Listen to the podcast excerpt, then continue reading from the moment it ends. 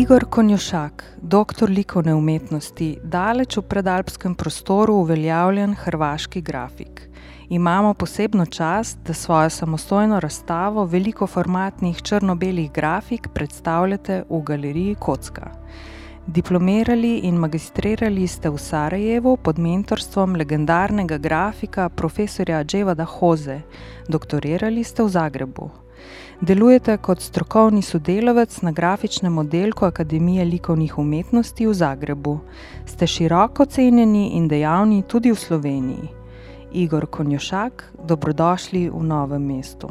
Hvala vam puno. Evo. Tokratna razstava je serija črno-belih grafik.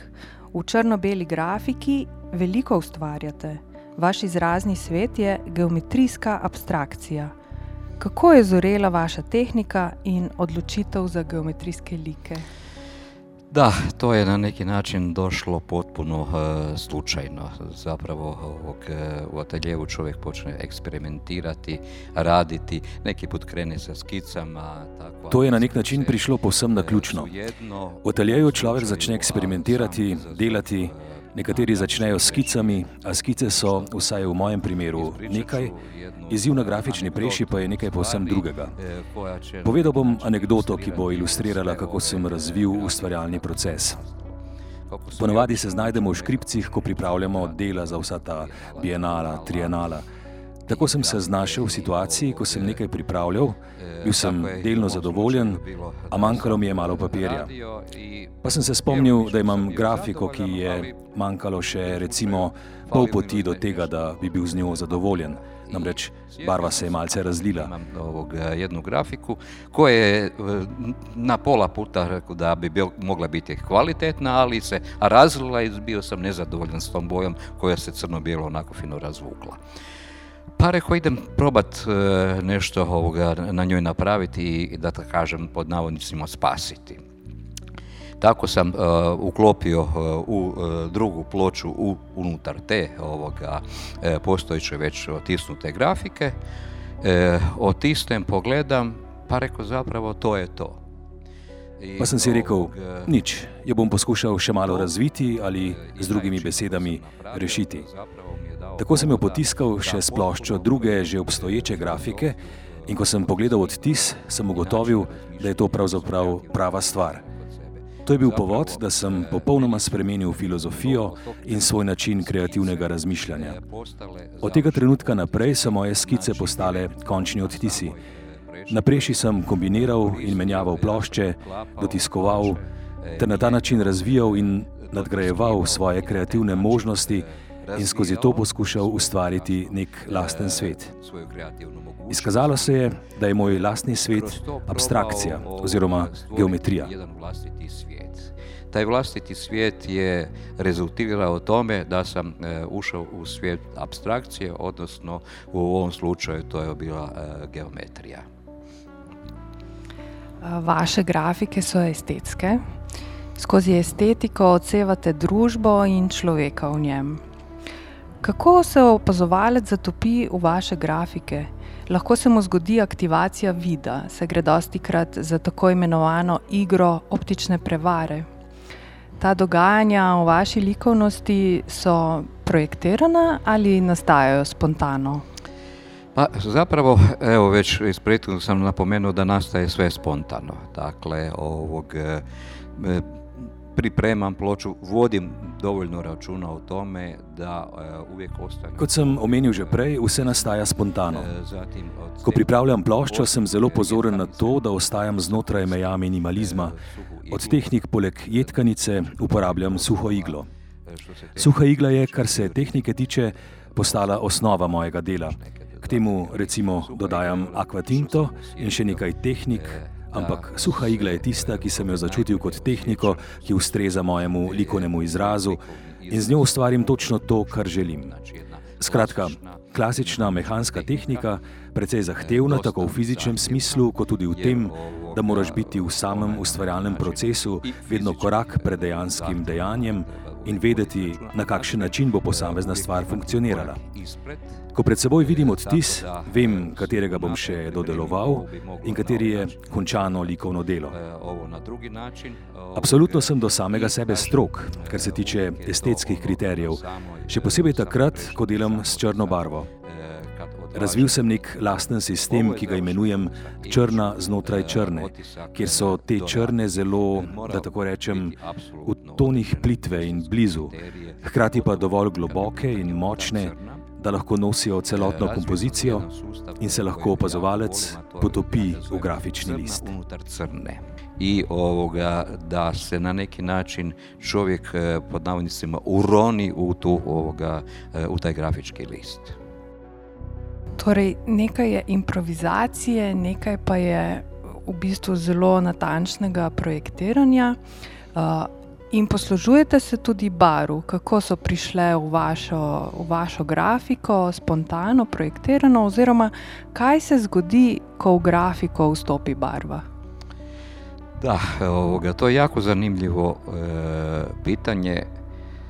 S jedne strane, dio grafičara doživljava. Uh, to je zelo zanimivo vprašanje. Nekateri grafiki, recimo ena od mojih kolegic, doživljajo eksplozije barv in to pri njej zelo, zelo dobro funkcionira. Pri meni pa so barve pridušene. To je povsem odvisno od avtorja. Jaz bi zase rekel, da imam nizko lestvico. Če bi to postavili na klaviaturo, bi bilo to tam nekje na levi strani. Neko svoje delo sem celo imenoval melodija basov, se pravi melodija nizkih tonov, ta temna, malo težja, črna stran barv. Zase lahko rečem, da z barvo vstopam zelo previdno. Jo uporabljam, a zelo strogo odmerjeno, v nekih minimalnih posegih, pikicah, minimalistično. Poleg barv sam uporabljam še perforacijo, tako matrice kot tudi končnih odtisov. V nekem trenutku sem se celo vprašal, če je to, kar počnem, destrukcija grafike. Skozi to sem si torej dovolil polemiko. Ampak prav skozi to, recimo i destrukcijo, se pravi perforacijo, sem začel v svoje delo vključevati tudi nove medije. Gre za klasično grafiko v kombinaciji s pikselizacijo ekrana, se pravi, bolj konkretno, grafiko sem postavil pred ekran in skozi perforacije je iz ozadja proseval raster oziroma piksli ekrana. U pozadini gdje su ove perforacije e, dešavalo to da je ovoga, da su prosjavili e, pikseli, odnosno rasteri e, same, same matrice ovog, od e, ekrana. Ker je sodobnost eh, digitalnega značaja in digitalizacija prevzema naš način življenja, eh, se to torej odraža tudi v vašem delu, v vaše delo, upletate tudi računalnik. Eh, jaz sem recimo od onih osoba, koja ne bježi od Sem eden tistih, ki absolutno ne beži od novih medijev, pa naj bo to fotografija ali digitalni odtis. Vsekakor nimam nič proti novostim. Trenutno sem celo v fazi, ko digitalno vstopa v moje delo. Naredil sem tudi že nekaj poskusov s kombiniranjem in stvar je dala zanimive rezultate. Še naprej bom uporabljal klasičen papir, ker to obožujem. Klasični globoki odtis pa je možno kombinirati s posebnimi tiskalniki. Če smo že pri tem, včasih je možnost tiskalniki prevarati celo izkušeno oko, v kar sem se, mimo grede, že prepričal, ko sem ljudem, od katerih sem se celo sam učil, pokazal s tiskalnikom natisnjene grafične liste, pa so predvidevali, da gre za neke povsem druge tehnike. Tako da, seveda, Z digitalnimi sredstvi se lahko zelo približamo klasičnim tehnikam. Vse to je zanimivo, ampak sam duktus grafičnega lista je v klasični tehniki povsem drugačen od digitalnega, ki pa je seveda povsem legitimen. Od ovog, koji je digitalni i koji je apsolutno legitiman. Namreč grafika pomeni tudi ogromno fizičnega dela, potrpežljivosti in ustrajnosti, za razliko od dela z računalnikom, ki ni tako fizično. Znani ste kot mojster klasičnih tehnik. Kaj pomeni ustvariti grafično zgodbo z vidika časa in količine dela, ki ga umetnik vloži v njo? Da, ovog, na neki način eh, klasična grafika je dosta. Klasična grafika je zelo zahtevna. Od človeka zahteva, da se povsem uplete v proces. Do potankosti je potrebno poznati tehnološki proces, o poznavanju likovnega procesa tu sploh ne bom začel razlagati, ker je za grafika samoumevno. Z tega vidika je digitalni svet seveda zanimiv, ker odpade kup tehnologije, ki predstavlja problem. Bistvo vsega je likovnost. Na kakšen način jo dosežemo, je vse bolj stvar osebne odločitve. V vsakem primeru je dobro, da se ohranjajo klasična znanja, hkrati z razvojem novih digitalnih znanj. A v vsakem slučaju ovog, dobro je da se razvija, da se sačuva i klasična, ali da se razvija digitalna. Študirali ste v Sarajevu, poučujete v Zagrebu. Obstajajo med tema dvema šolama kakšne razlike in podobnosti, in tudi verjetno se je proces poučevanja od takrat, ko ste študirali, do danes spremenil? Pa v svakom slučaju svaka akademija e, ima e, svoje specifičnosti. V vsakem primeru imajo posamezne akademije svoje značilnosti. Tako sem spomnil profesorja Hozo med enim od najnih pogovorov na njegovega profesorja Rika Debenjaka. Mimo grede, nekoč mi je uspelo priti do Debenjakove grafike in nameraval sem jo pokloniti profesorju Hozi. Skratka, primerjala sva dve šoli. Sarajevska šola je na nek način bolj usmerjena proti figuraciji in figurativnemu razmišljanju, medtem ko je Zagrebška odvedno usmerjena bolj v geometrizacijo in abstrakcijo. Seveda, individualno razmišljanje in preklapljanje je stvar posameznega avtorja, za obe šoli pa zagotovo velja, da ohranjata osnovo, to pa je spoznavanje s klasičnim likovnim jezikom, mimo katerega nihče ne more. Se pravi, univerzalna znanja so pomembna, ne glede na to, katero šolo študent obiskuje. Skupno ima je še negovanje klasičnih grafičnih tehnik, jasno pa je, da se vsaka akademija usmerja na podlagi svojih odločitev, še posebej, ko gre za podiplomske študije a jasno da svaka od akademija prema svojoj preferenciji već odlučuje u kom će ovoga pravcu kasnije krenuti. Pogotovo kad je riječ o poslijediplomskim studijima. Pa bi lahko rekli, ker ste, ste v bistvu bili del in enega in drugega procesa uh, učenja, da je Sarajevska šola vplivala na vaše delo uh, tudi na Zagrebški šoli? Hm, da, zapravo to je ovoga zanimljivo kada govorimo o Sarajevskoj školi. Obzirom da su hm.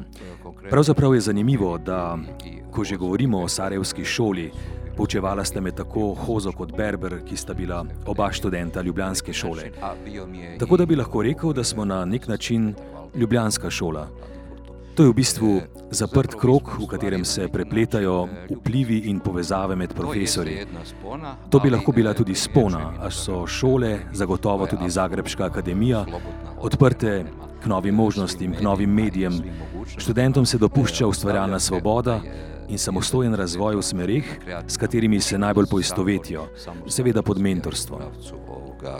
Normalno z mentorstvo v pravcu, koje njima najviše odgovara. Kako pa kaj združujete delo na akademiji in vašo lastno ustvarjalnost?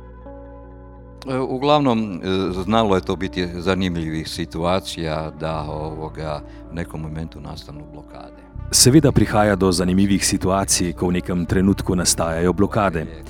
V atelje se prenesejo neke misli, ki so nastajale na predavanjih, vendar se tega s časoma navadiš in se naučiš te stvari odmisliti. Še posebej, ko delaš na določenem ciklusu grafik in si dobro pripravljen, to ne predstavlja več težave.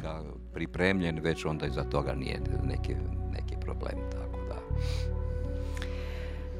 Umetnik je stil življenja in verjetno pripravljate kakšen nov projekt. Pa, u svakom slučaju da. Ovog, uvijek, su, uvijek postoje novi izazovi, nove mogućnosti. Da, u svakom primjeru. Vedno so tu novi izzivi, nove možnosti. Zdaj je težko reči, šel bom v to in to smer. A, da tako rečem, imam namen svoje možnosti razvijati v smeri digitalnih oblik. Tako da bo to najverjetneje kombinacija digitalnega sveta in klasične grafike. V kolikšni meri se bom posluževal enega in drugega, pa bom še videl. Težko rečem. Morda bom eksperimentalno obstoječe grafike transformiral v digitalni svet in videl bom, kaj bom dobil. Danes in ob teh neskončnih možnostih lahko brez težav dosegamo zanimive kombinacije in povezave. Mediji se dopolnjujejo in to se mi zdi zelo dobro. Danas je takva situacija da bez problema možemo komparirati i povezivati, što je u stvari jako dobro jer se mediji općenito međusobno ispreptišu. Igor Konjošak, najlepša hvala za obisk v galeriji Kocka. Želim vam obilo ustvarjalnih eksperimentov pri naslednjih projektih in upam, da nas še obiščete. Puno hvala.